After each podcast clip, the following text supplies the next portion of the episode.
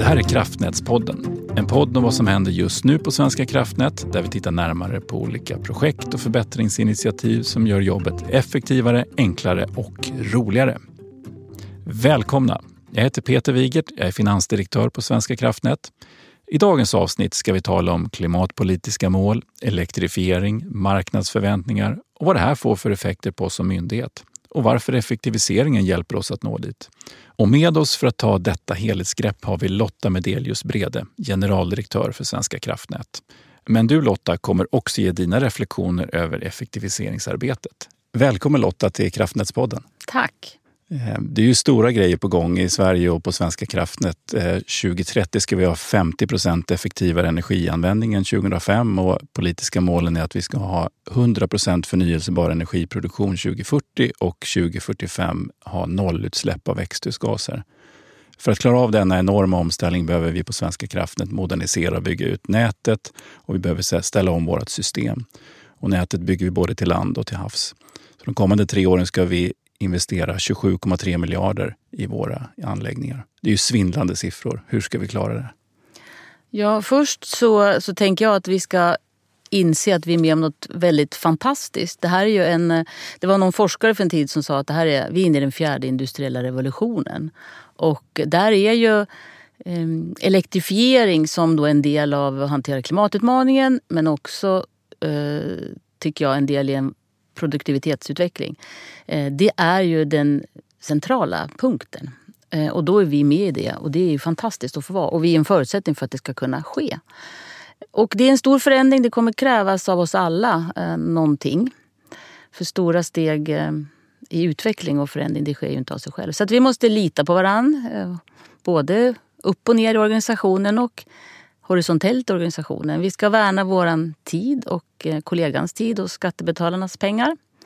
Vi ska ta vårt ansvar och sen så ska vi såklart i den här resan vara omtänksamma och schyssta mot varandra. Då kommer vi klara det här. Det är en bra inledning på, på temat att vi ska leverera. Och vad måste vi då göra för att nå de här politiska målen? Vad har vi för verktyg för det? Alltså jag tänker att vi har vår strategi och den är ju tydligt ehm, förankrad med styrelsen och vi följer upp den. Vi har vår strategimotor som eh, liksom konkretiserar de här stegen också. Eh, och då handlar det om att bygga ledningar, säkerställa att vi kan balansera systemet när det eh, händer saker och utveckla elmarknaden. Och se till att vår verksamhet naturligtvis är säker, både personsäkert, folk ska inte skadas på arbetet, men också kopplat till säkerhetspolitiska läget. Jobba med vår kontinuitetsförmåga som vi redan har startat med också. Eh, beredskap, robusthet, dammsäkerhetsfrågor. Och i det här måste vi bli mycket mer digitala eh, om vi ska kunna klara av det. Och vi måste vara eh, effektivare i hur vi arbetar. Mm. Och mycket av temat för Kraftnätspodden är ju effektivitet, så det kommer vi komma tillbaka till. Jag har tittat lite grann på hur vi ligger till i våra leveranser för att nå målen och då har jag tittat på 2022. Och då har vi 37 delmål och då är då 20 gröna, 13 gula, två röda och två har vi inte påbörjat av olika skäl. Eh, hur tycker du att vi ligger till om man summerar det så? Jag tycker att, eh, att det ändå är godkänt. Vi får också vara klara över, ibland när man sätter mål, det är svårt att sätta mål. Det händer saker. Vi måste också ha en beredskap att eh, anpassa oss Eh, och kanske prioritera om därför att det har hänt någonting dramatiskt. Eh, vi rekryterar väldigt kraftigt och har liksom goda planer för hur vi ska kunna tillföra nya tjänster men ibland så stöter vi på att vi inte lyckas rekrytera de kompetenser vi kan. I vissa fall är de här eh, röda eller gula också konsekvenser av att vi kräver regulatorsgodkännanden. Och får vi inte det så, så lyckas vi inte leverera i den tid som vi, som vi har tänkt. Så det finns ju många orsaker till att vi inte helt i mål. Jag tror att hade man alltid varit helt i mål då kanske man också hade haft lite för låg ambition möjligen. Lite för bleka mål. Lite för bleka mål, ja. ja. Nu, var, nu var det här efter tertial 1 och vi kommer snart in i uppföljningen efter mm. tertial 2. Tycker du att vi har de förutsättningar som vi behöver för att genomföra det vi är satta att göra? Vi har ju väldigt kompetenta medarbetare och eh, jättestort tryck i, i, och engagemang. Så det är ju en förutsättning som man måste ha såklart. Sen har vi ju goda ekonomiska förutsättningar. Vi, eh, vi träffade igår 50 Hertz som var väldigt glada för att de hade precis rott hem en stor finansiering, en sån här emission av gröna eh, papper. Eh, de utmaningarna har ju inte vi. Vi har, vi har bra ekonomiska förutsättningar. Eh, vi behöver bli mycket mer känd i vissa eh, kompetenser, IT till exempel. Sen finns ju regelverk som, vi, eh, som behöver justeras om vi ska kunna leverera i den här tiden som Eh, ja, både politiker och näringsliv och samhälle kräver. Tillståndsprocesser till exempel. Resurser på andra myndigheter. Eh, också en eh, lagstiftning som idag inte riktigt tar hänsyn till kanske klimatperspektiv. Eh, om man tänker på miljölagstiftning som är väldigt fokuserad på lokala frågor till exempel. Så att eh, vi måste göra vårt eh, och andra myndigheter och aktörer måste göra sitt. Sen så måste vi säkerställa, som jag var inne på, balansering, stabilitet i systemet. Och, och då pratar vi mycket om den här planerbara produktionen som läggs ner. Så hur, vad finns det för incitament för aktörerna på elmarknaden att reagera på höga priser nu då som, som borde generera investeringar till exempel. Och så vet vi samtidigt att mer vindkraft gör mer volatila priser och svårare att räkna hem. Så att det där är ju en, eh, liksom hela elmarknaden. Där krävs det nog lite utveckling tror jag. Även om den situation vi är just i nu kanske inte är riktigt det som vi ska utgå från långsiktigt. Mm. Du, du nämnde andra myndigheter och deras arbete som krävs för att vi ska kunna nå våra mål och kunna både korta ledtider och, och sen till slut leverera både ledningar och stationer. Tycker du att, att det finns en tillräcklig uppmärksamhet hos våra andra myndigheter för de utmaningarna vi står inför? Vi har ju bra samarbete med EI, det har vi inlett sedan en tid tillbaka. Att, att försöka tillsammans se vad, vad kan vi göra tillsammans för att det är de som ger oss koncession för, för eh, ledningar och det är också de som är vår regulatorsmyndighet på marknadsfrågorna. Ehm, sen är det viktigt att de också har resurserna eh, såklart. Sen har vi många andra myndigheter. Vi har Försvarsmakten. Där har vi också ett samarbete för att försöka förstå våra utgångspunkterna för det första. Eh, länsstyrelser som är en väldigt viktig och som har väldigt mycket miljökompetens men där man ju kanske har inte lika mycket energikompetens och infrastruktur. Det ligger på regional, regionala myndigheterna. Så att, eh, där finns det kanske en del att, att, att, göra. Men det är ju väldigt många eh, myndigheter som är inblandade i en tillståndsprocess. Och eh, nu finns det ju initiativ på olika håll i, i eh, regionerna där, där man samlar alla aktörer för att se hur vi liksom tillsammans kan kan arbeta snabbare. Både i, i Norrland och på västkusten till exempel. Mm, så du menar utvecklingen går åt rätt håll? Ja. Vi får mer och mer, mer gehör för att jobba tillsammans? Det tycker jag, men jag är inte säker på att lagstiftningen alltid går åt rätt håll. Ska jag säga. Nej, Nej. Det kan vi skicka som ett medskick. Mm. I den här podden så har vi ju fokus effektivisering och, och, förändringar och det bygger ju på det effektiviseringsprogrammet som vi lanserades, lanserade 2020. Om du skulle reflektera över hur vi är effektiva idag, när är vi det och vad gör vi bra idag? Först så ska man som sagt, vi, vi lanserade det här 2020 och, och, när jag kom 2019 så, så, såg jag att ja, det var väldigt mycket som, som vi hade framför oss. Men jag vill bara börja med det att en av principerna i statliga värdegrunden det är ju effektivitet och service. Så att alla eh, som ansvarar för verksamheter som finansieras med skattebetalarnas pengar ska ju göra det på ett effektivt sätt. Eh, och då kan man aldrig säga att ja, nu är vi effektiva och sen är vi nöjd med det såklart. Utan det, det är ju någonting som vi alla, alla myndigheter ska ha med oss. Eh, men som sagt, när vi då, motivet till att vi sjösatte det här det var ju att vi såg att vi hade dels väldigt stora investeringsvolymer framför oss som vi hade i våra planer. Eh, och det kräver ju mer investeringar och mer mm. medarbetare och det blir ökade kostnader. Och då blir det mer tarif, ökade tariffer. Och nedläggningen av de här Ringhalsreaktorerna då 20 och 19 de skulle generera både investeringar och väldigt mycket mer balansering. Och det, det kräver också resurser. Och samtidigt så tog ju också totalförsvarsarbetet fart de där åren. Man hade ju redan beslutat det 2015. Det hade inte hänt så mycket kan man säga. Men 19 så kom ju uppdrag från regeringen till myndigheterna och sen har det här fortsatt. Och, och det har ju tagit såklart mycket, mycket mer fart tyvärr då, eh, sista tiden. Så att, så att det här att vi tog initiativ till det här det var ju därför att vi såg att vi behövde systematiskt arbeta mer med det här. Vi, borde, vi måste korta våra ledtider, eh, dämpa kostnadsökningarna, se hur vi kunde jobba på annat sätt. Eh, i, så att det handlar inte om att springa fortare, jag vill bara understryka det. Det handlar inte om att springa fortare. Det handlar om att se hur vi kan jobba på ett, på ett annat sätt. Och jag tycker vi har väldigt mycket bra rutiner och processer. Vi har ju eh, ordning och reda. Mm. Eh, alltså, det är en bra bas. Ja. Väldigt bra bas. Vi får väldigt sällan anmärkningar på våra årsredovisningar till exempel. Vi har ledningssystem för miljö och arbetsmiljö. Vi jobbar nu inom flera andra områden. Eh, vi var inne på det. Vi har vår strategi, målhus, strategi, medarbetarsamtal som har samma, en, en tråd i det. Strategimotorn som, som eh, jag vet att en del tycker är mötestungt. Men det är ju sätt att se hur vi konkret tar oss framåt. Och det är någonting som har efterfrågats från medarbetarna i medarbetarundersökningar. Och som sagt, vi har mycket kompetens. Vi har jobbat med kollektiv intelligens som är ju en grund för hur vi samarbetar. Att vi eh, tar in alla perspektiv, ser att vad vi har för enas om vårt uppdrag.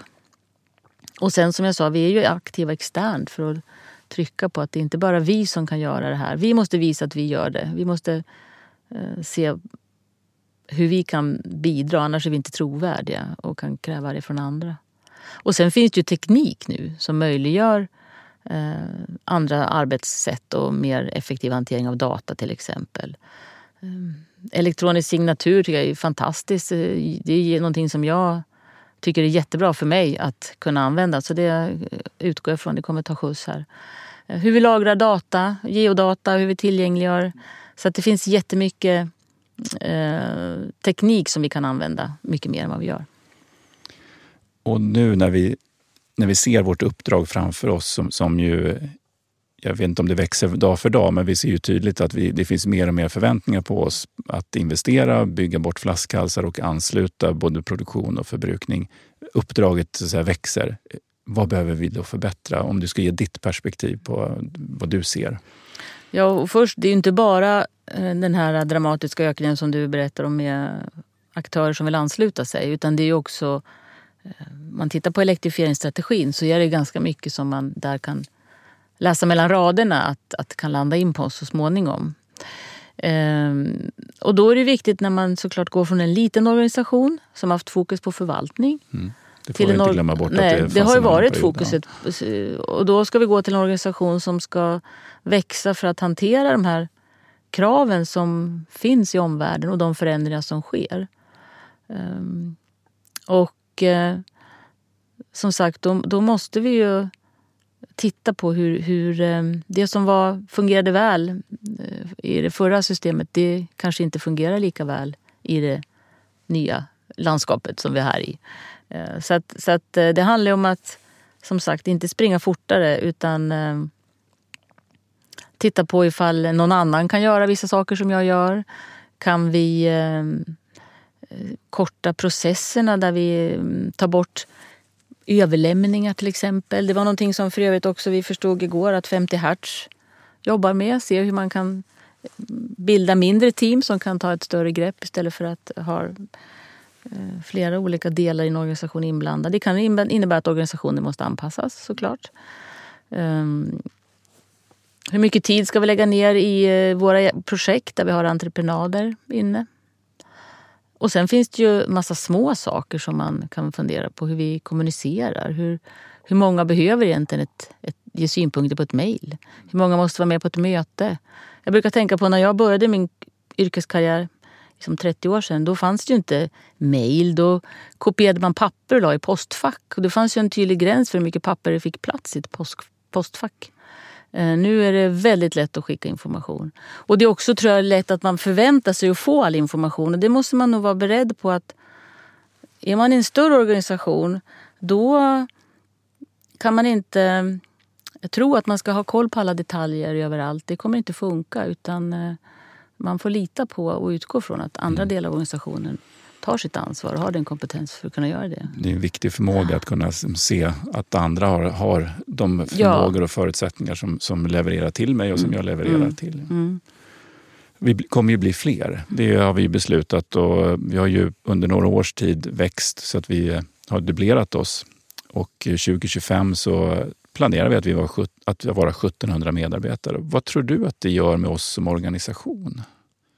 Att vi blir så pass mycket större? Ja, det är ju lite det jag var inne på. Alltså, dels så måste man ehm, ehm, eh, eh, förstå eller, eller vara trygg med att eh, man litar på varandra. Att man kan inte ha eh, koll själv. Och man kan inte, som en liten organisation så kanske man eh, eh, man skickar sitt mejl till Pelle och några till för att man vet att de är jätteduktiga och ger bra input. Nu måste vi ha mycket tydligare rutiner och processer, ordning och reda på alla delar. Och det kan man kanske tycka är lite tråkigt. För det blir ju en annan eh, liksom, relation till sina kollegor. Men, men eh, det är ju så det måste vara. Det måste vara väldigt tydligt vad som förväntas när man gör så, olika saker, vilket skede, var ansvaret ligger. Um, så att um, tydligt med roller och ansvar mm. på ett annat sätt än vad man kanske har i en liten organisation. Mer strukturerat och mer ja, formaliserat, mer utan, formaliserat att det blir, utan att det blir omständigt. tänker jag. Nej men precis. Och då är det också viktigt att man har att beslut fattas på rätt nivå, att man har en delegation. För att eh, eh, det är klart att en, en, en chef som har 150 medarbetare kan ju inte ha samma koll som om man har 50 medarbetare. Utan det måste finnas en tydlig delegation som, eh, och att beslut fattas på rätt nivå eh, i organisationen. Det här att vi växer och samtidigt så säger vi att vi vill bli mer effektiva. Finns det inte en motsägelse och en svårighet i det? Eh, motsägelse, och svår, motsägelse vet jag inte. Svårighet, ja. Eh, men det är ungefär som när man pratar om här, strukturella reformer i nationalekonomin. Ska man göra dem när det är en kris? För då är det ändå så hårt, men å andra sidan kanske det finns en insikt. Eh, men som sagt, då är det väldigt jobbigt. Så då gör man det när det inte är en kris. Men då finns det kanske inget intresse för att göra det. För då tycker man att då är det ju allting bra. Ehm, så det är klart att det är utmanande att göra samma saker samtidigt. Ehm, men eh, jag tror att ehm, det går ju inte att, att tro att liksom utvecklingen sker sekventiellt på det sättet. Att nu växer vi och sen ska vi effektivisera. Ja, vi göra det Utan det, nu måste vi göra det samtidigt. Då mm. får vi göra det. Tillbaks till det här med tillväxten och att vi blir fler. Ser du risker att vi växer så snabbt som organisation? Ja, det gör jag. Eh, det finns ju många risker. Dels så finns det en risk att vi inte faktiskt lyckas rekrytera de kompetenser vi behöver och att det ger en stress på, i organisationen. Det är klart att det är risker med eh, att vi tappar fokus på helheten när vi blir så många fler och vi behöver också en hel del nya specialister och experter. Eh, att vi får sämre produktivitet. Det är ju så när man växer eh, så behövs ju de här nya medarbetarna snabbt tas om hand och komma ombord och kunna bidra och, och göra ett, ge ett mervärde. Och då måste ju kollegor, chefer hjälpa till. Och det ligger ju också i, i våra, på Svenska kraftnät är alla ledare och det för, då utgår man ifrån att man ska faktiskt också bidra. Och det är jag helt övertygad om att det görs, men det är klart att det tar ju tid. Eh, att det blir rörigt, att vi inte har de här rutinerna och processerna tydligt för alla nya. Eh, och det är ju vårt ansvar som ledningar att säkerställa det. Att det finns information att tillgå. Dels den man verkligen behöver men också att ta del av det man kanske egentligen inte behöver men som man vill veta och tycker är viktigt att veta. Eh, och eh, hur man kommunicerar. Och det är ju någonting som vi också behöver utveckla i en större organisation. Alltså hur, hur, eh, hur sköter vi internkommunikationen? Så det är ju naturligtvis risker med det. Men jag tänker att alternativet att inte växa det är ju att antingen människor blir väldigt, väldigt hårt belastade, alltså att det blir en ohälsoproblem. Eller att vi inte kommer att kunna leverera det som vi förväntas leverera. Därför att eh, det är ju så, som jag sa, vi har de ekonomiska förutsättningarna. Eh, och det har gjorts vissa justeringar i lagstiftningen som är till gagn för oss när det gäller tillståndsprocesser. Till exempel. Så att, eh, och det finns EU-regelverk som vi ska leverera för att säkerställa stabilitet och balans. Och om vi inte gör det, då tror jag att eh, alltså det, det, det kommer inte att accepteras. Att vi, vi är i en, som jag sa, en industriell revolution och då måste vi försöka anpassa oss till den. Mm. Om vi ska gå lite mer till eh, vårt uppdrag så händer det väldigt mycket på flera håll i Sverige. I norra Norrland så pågår en stor elektrifiering av industrin. Kan du berätta vad fossilfritt övre Norrland innebär för Svenska kraftnät? Ja, den här industrialiseringen i norra Sverige, och den pågår inte bara där vill jag säga, men eh, den är ju väldigt eh, otroligt omfattande. Eh, det är ju flera nya eh, fabriker som byggs eh, eller konverterar då från kol till andra råvaror eller insatsråvaror i sin produktion och nya fabriker som tillkommer. Och lyssnar man på kollegor i andra länder så är det här, det här är helt enormt faktiskt. Eh, och då kräver ju de här industrierna el, elektricitet. Och eh, det innebär att vi, ska, vi måste förstärka vårt nät. Och vi har ju inte ens stamnät faktiskt i vissa delar av de här områdena idag. Det är bara regionnät. Och för att vi ska kunna leverera det då eh, på den tid som egentligen är för långsam för de här industrierna men, men eh, som vi ändå tror att vi kan klara av. Då har vi bildat det här Fossilfritt över Norrland som är ett, ett jättestort pilotprojekt kan man säga. Där vi ska bygga då tre stycken 400 kilovoltsledningar och några stationer. Eh, och för att kunna eh, göra det snabbt som de här industrierna vill ha så, så kommer vi jobba på ett annat sätt. Vi kommer att eh, parallellställa många fler processer. Jobba eh, istället för att ha de här sekventiella och där man överlämnar till nästa del i organisationen så jobbar vi parallellt på ett helt annat sätt. Och eh, det här synkar också in med vad man eh, från eh, landshövdingen har initierat. Att att, se hur de aktörer som är relevanta, alltså försvaret, Länsstyrelsen, Naturvårdsverket, företagen, Trafikverket och så vidare. och så vidare. Hur alla kan bidra till att se till att de här investeringarna kan ske på ett så snabbt sätt som möjligt. Och det är ju jättespännande. Och det gör vi ju isolerat eftersom vi, vi vill se vad funkar och vad funkar inte och då kan man använda det i andra projekt sen. Kanske. För att det är klart att vi kommer säkert gå på miner också. Och det är ju någonting som som jag måste verkligen se till, det vi pratade om sen, eller tidigare menar jag, eh, i det här arbetet, att eh, det kan gå snett också. Mm. Tycker du det är okej okay att vi testar? Ja. Vågar utmana mm. våra arbetssätt? Mm. Absolut. Om vi vänder oss söderut i Sverige så handlar det inte så mycket om batterifabriker och, och ny industri utan snarare att det finns ett behov av mer kapacitet i söder för att möta den elförbrukning som finns idag.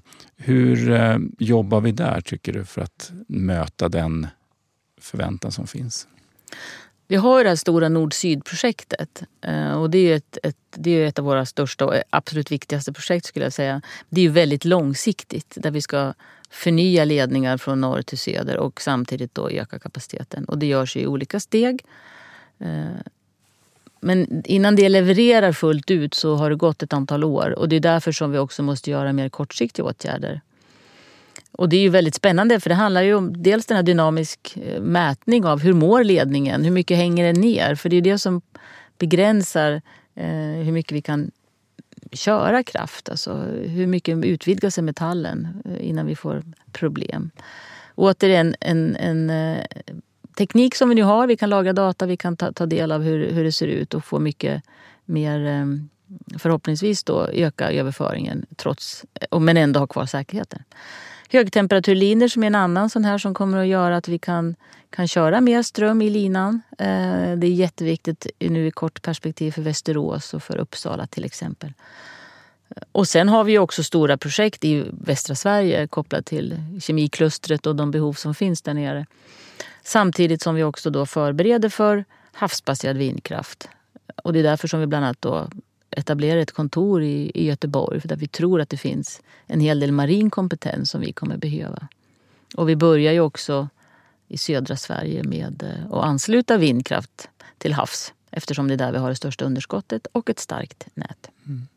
Strax före midsommar så skrev du på intranätet att du sa att vi kan inte låta samhället vänta. Mm. Vad ligger bakom den eh, rubriken? Nej, men det handlar ju om att, eh, som vi pratade om, det, det sker en väldigt stor förändring. Det är väldigt stora eh, förväntningar på oss. Elektrifieringen ökar, väderberoende produktion tillkommer och ökar.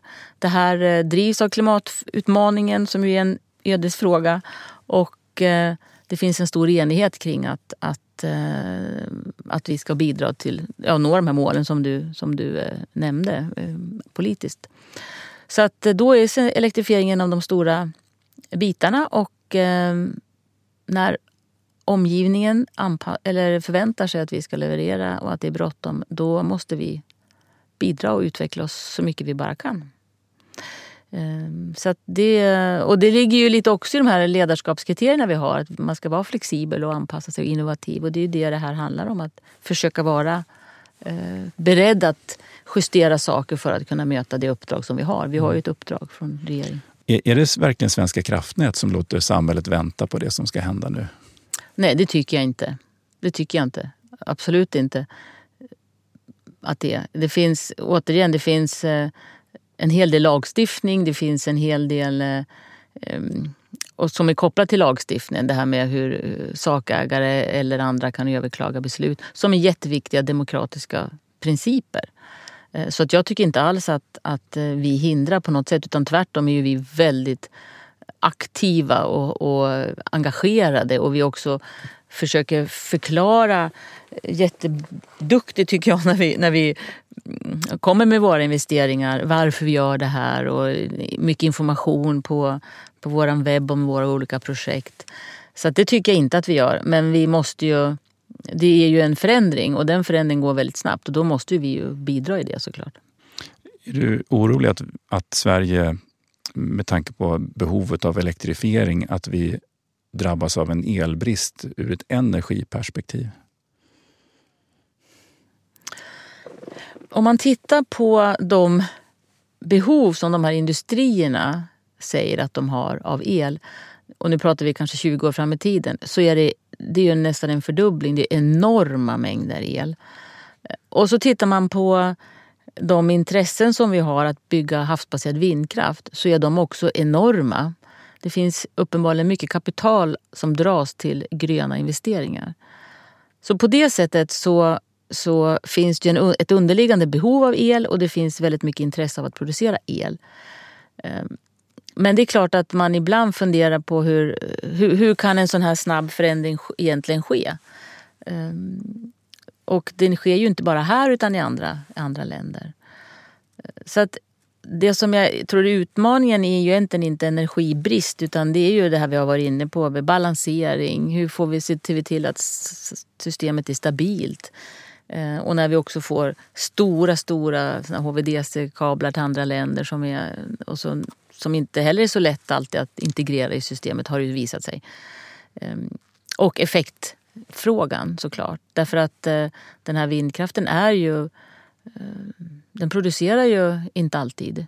Och det är därför som också de här stora industrierna har stora planer med, med lager i form av till exempel vätgas. Så det är också något fantastiskt spännande. att Utvecklingen sker ju hela tiden och eh, så kommer det vara. Eh, systemet om 20 år kommer se helt annorlunda ut än idag. Så är det. Och bara i ett kortare perspektiv, effektfrågan inför vintern mm. är ju på tapeten. Mm, mm. Är du orolig att vi får en effektbristsituation?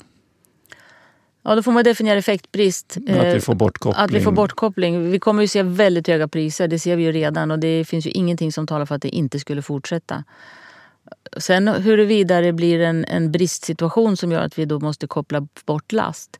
Det är det vi sitter och, och räknar på och som också våra kollegor i, i Norden och runt Östersjön och, och EU räknar på. Och det här beror ju mycket på också hur det går med att fylla gaslagren i Europa till exempel där det ändå verkar gå hyfsat just nu. Eh, men vi ser ju också att franska kärnkraftverken har väldigt stora problem. Det är väldigt lite vatten i Norge. Så det är klart att det finns en, eh, en påtaglig risk för ett väldigt ansträngt läge i vinter. Så är det. Vi har ju effektreserven som en sista livlina och du har tidigare sagt att den är en nyckelresurs. Eh, varför är den så viktig? Ja, det är ju så här att när man går man tillbaka långt egentligen när man började avreglera elmarknaden, då fanns det ju väldigt mycket produktion och ett av syftena trots allt med elmarknadsreformen, det var ju det var inte ett syfte kanske, men man förstod att det skulle läggas ner en del produktion. Man tyckte att det fanns en överkapacitet som det hette. Men det var svårt att se hur skulle man lösa effektsituationen. Marknaden eh, skulle inte riktigt klara det bedömde man då. Men man jag var ju med på den här tiden, man förväntade sig ändå att det skulle utvecklas så att det skulle finnas incitament att skapa den här effekten när det var som allra kallast. Och så har det inte blivit. Och, eh, och det är därför som vi också själva har tagit, eh, sjösatt ett arbete nu för att bidra till den diskussionen. Hur kan man skapa incitament för att investera i ja, effekt? Då? Och det här är ju en fråga som alla andra brottas med också. Eh, så att för min, jag tycker att den är jätteviktig. Jag, jag vi kommer ju få ha den till vintern 2024-2025 enligt EU-regelverk. Jag eh, hoppas ju att vi kan se, se till så att vi fortfarande kan ha en strategisk reserv efteråt. Det är, eller så måste vi ha en eh, marknad som stimulerar till den typen av eh, ja, extra resurser då, när det är som eh, effektunderskott. Kriget i Ukraina och stigande elpriser har ju satt ljuset på energiförsörjningen och elmarknaden är ju faktiskt en internationell marknad. Berätta, hur jobbar vi i det internationella samarbetet för att få det här att bli en bra utveckling? Ja, dels så har ju NSOE eh, gemensamt sett till att eh, Ukraina kunde synkronisera med det centraleuropeiska nätet väldigt fort och det tyckte jag var fantastiskt. Eh, sen är det ju så att elmarknaden, vi är integrerade i Europa och den där integrationen den fortsätter mer och mer. Eh, och eh, det är ju viktigt att man inte börjar att titta allt för nationellt i det här läget som vi är i. Och det finns ju stora risker för att det kan ske. Man får ha viss förståelse för det kanske, för det är klart att vi tycker att vi har höga priser här i Skåne och södra Sverige, vilket vi också har, väldigt dramatiska ökningar. På kontinenten är det ju har det också varit eh, värre och även väldigt höga gaspriser. Så det är klart att, att eh, politiker är bekymrade över framförallt svaga hushåll och industrier och hur det här ska slå på dem. Det är ju inget konstigt men det är ändå viktigt att, att vi som TSO fortsätter och, och eh, säkerställa att vi samarbetar inom elmarknaden så gott, ja, på det sätt som vi gör naturligtvis. Kopplat till det internationella samarbetet så har vi ju öppnat ett kontor i Köpenhamn. Inte i vårt namn, men i ett delägt bolag. Mm. mm. Hur kommer det sig? Ja, vi har ju haft ett kontor innan och nu har det här blivit ett bolag eh, som är självständigt. Och det, det är gemensamt ägt av de nordiska TSOerna och det här följer av ett europeiskt regelverk att en, en del av de eh, eh frågor som man eh, hanterar driftmässigt ska koordineras eh, inom ett antal ja, olika regioner. Och och, ehm, och det ska vara, ganska, det ska vara självständigt från TSO-erna. Så, att, eh, så det är ett sätt att, att uppfylla EU-regelverket och eh, vissa tillfällen som vi har sett nu så har det varit väldigt värdefullt också. Att, att eh, de har haft en koordinerande roll. De, man har sett på en, en liksom hur det ser ut på Norden eh, i sin helhet. Så att det, det är en förbättring och förstärkning av hur vi hanterar systemet. Mm. Så de skulle kunna få en viktig roll i en ansträngd vintersituation mm. till mm. exempel. Mm. Nu har du varit på Svenska kraftnät eh, sedan början på 2019 och det är en tid som har varit dramatisk. Först en pandemi och när vi var klara med den så eh, blev det ett krig i vårt närområde som lett till en annan hotbild.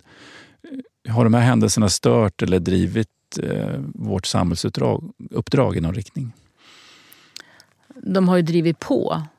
Eh, dels så har det ju blivit för många tydligt att el, är någon, ja, el har varit någonting man tagit för givet. Man kanske har sett det som en, nästan en miljöbelastning. Och nu, det har ju inte, så har inte vi sett det såklart. Men, men eh, det är ju en, att energiförsörjningen och elförsörjningen fungerar det är ju helt centralt såklart för, för ett eh, samhälle att det ska fungera. Och, ehm, så det har blivit mycket mer påtagligt naturligtvis. Eh, och det här ökar ju mer när vi elektrifierar mer och mer också. Och sen att säkerhetsläget, eh, det har man ju, man har hört om det. Eh, det har varit olika under många år men många har nog inte heller där liksom förstått riktigt att, vad det betyder. Och nu är det också en väldigt konkret för, för många. Så, att, så jag skulle säga att det absolut har, har drivit på. Och det gäller ju inte bara Svenska kraftnät, det gäller många av de myndigheter som har uppdrag inom totalförsvar till exempel. Det har gett oss en ökad hastighet på ytterligare några områden mm. helt enkelt. Mm. I podden idag så har vi ju berört eh, både vårt uppdrag och hur det växer och utvecklas och vad vi gör för att leverera. Men vi har också kopplat ihop det med effektivisering och behovet av att jobba på andra sätt. Mm. Om vi skulle avsluta med ett medskick, vad skulle du vilja skicka till chefer och medarbetare i det fortsatta effektiviseringsarbetet? Dels så skulle jag vilja tacka för engagemang. Eh, jag tycker att eh, jag har hört väldigt mycket liksom, positiva eh, kommentarer och engagemang när jag har chefer och sånt kring det här. Så det tycker jag är väldigt roligt. Eh, för som sagt, det, det är ju någonting där alla kan bidra och alla ska bidra.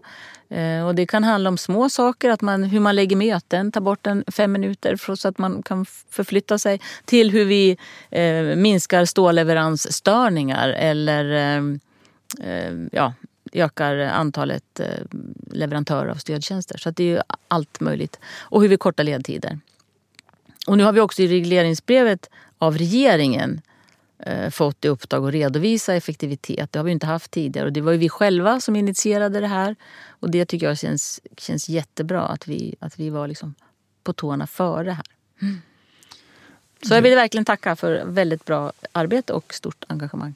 Ja, tack för det. Och det börjar bli dags att runda av och innan vi gör det så ska vi som vanligt eh, under det här poddåret uppmärksamma att Svenska kraftnät fyller jämnt 30 år. Eh, Lotta, vad gjorde du 1992 när, när eh, Svenska kraftnät bildades? Jag, var, jag tror att första halvan var jag på Vattenfall och då höll jag på med korrosion i kärnkraftverk och i en gasturbin har jag för mig på västkusten. Och andra halvan, då hade jag precis börjat i regeringskansliet. Jag eh, höll på med energieffektivisering tror jag. Mm. mm. Så redan då var du i energifrågorna? Absolut, mm. ja. ja. Mm. Tack så mycket för att du ville vara med i Kraftnätspodden. Tack för att du fick komma. Att gasa och bromsa samtidigt det är ett slitet uttryck och för Svenska kraftnät handlar det kanske snarare om att gasa och trimma samtidigt. För om vi ska uppnå de klimatpolitiska målen och leverera förutsättningar för Sveriges elektrifiering så ska vi växa kraftigt som myndighet samtidigt som vi ska våga prova nytt och arbeta på nya sätt. Vi måste våga tänka innovativt, kreativt och pragmatiskt och det gör vi redan idag.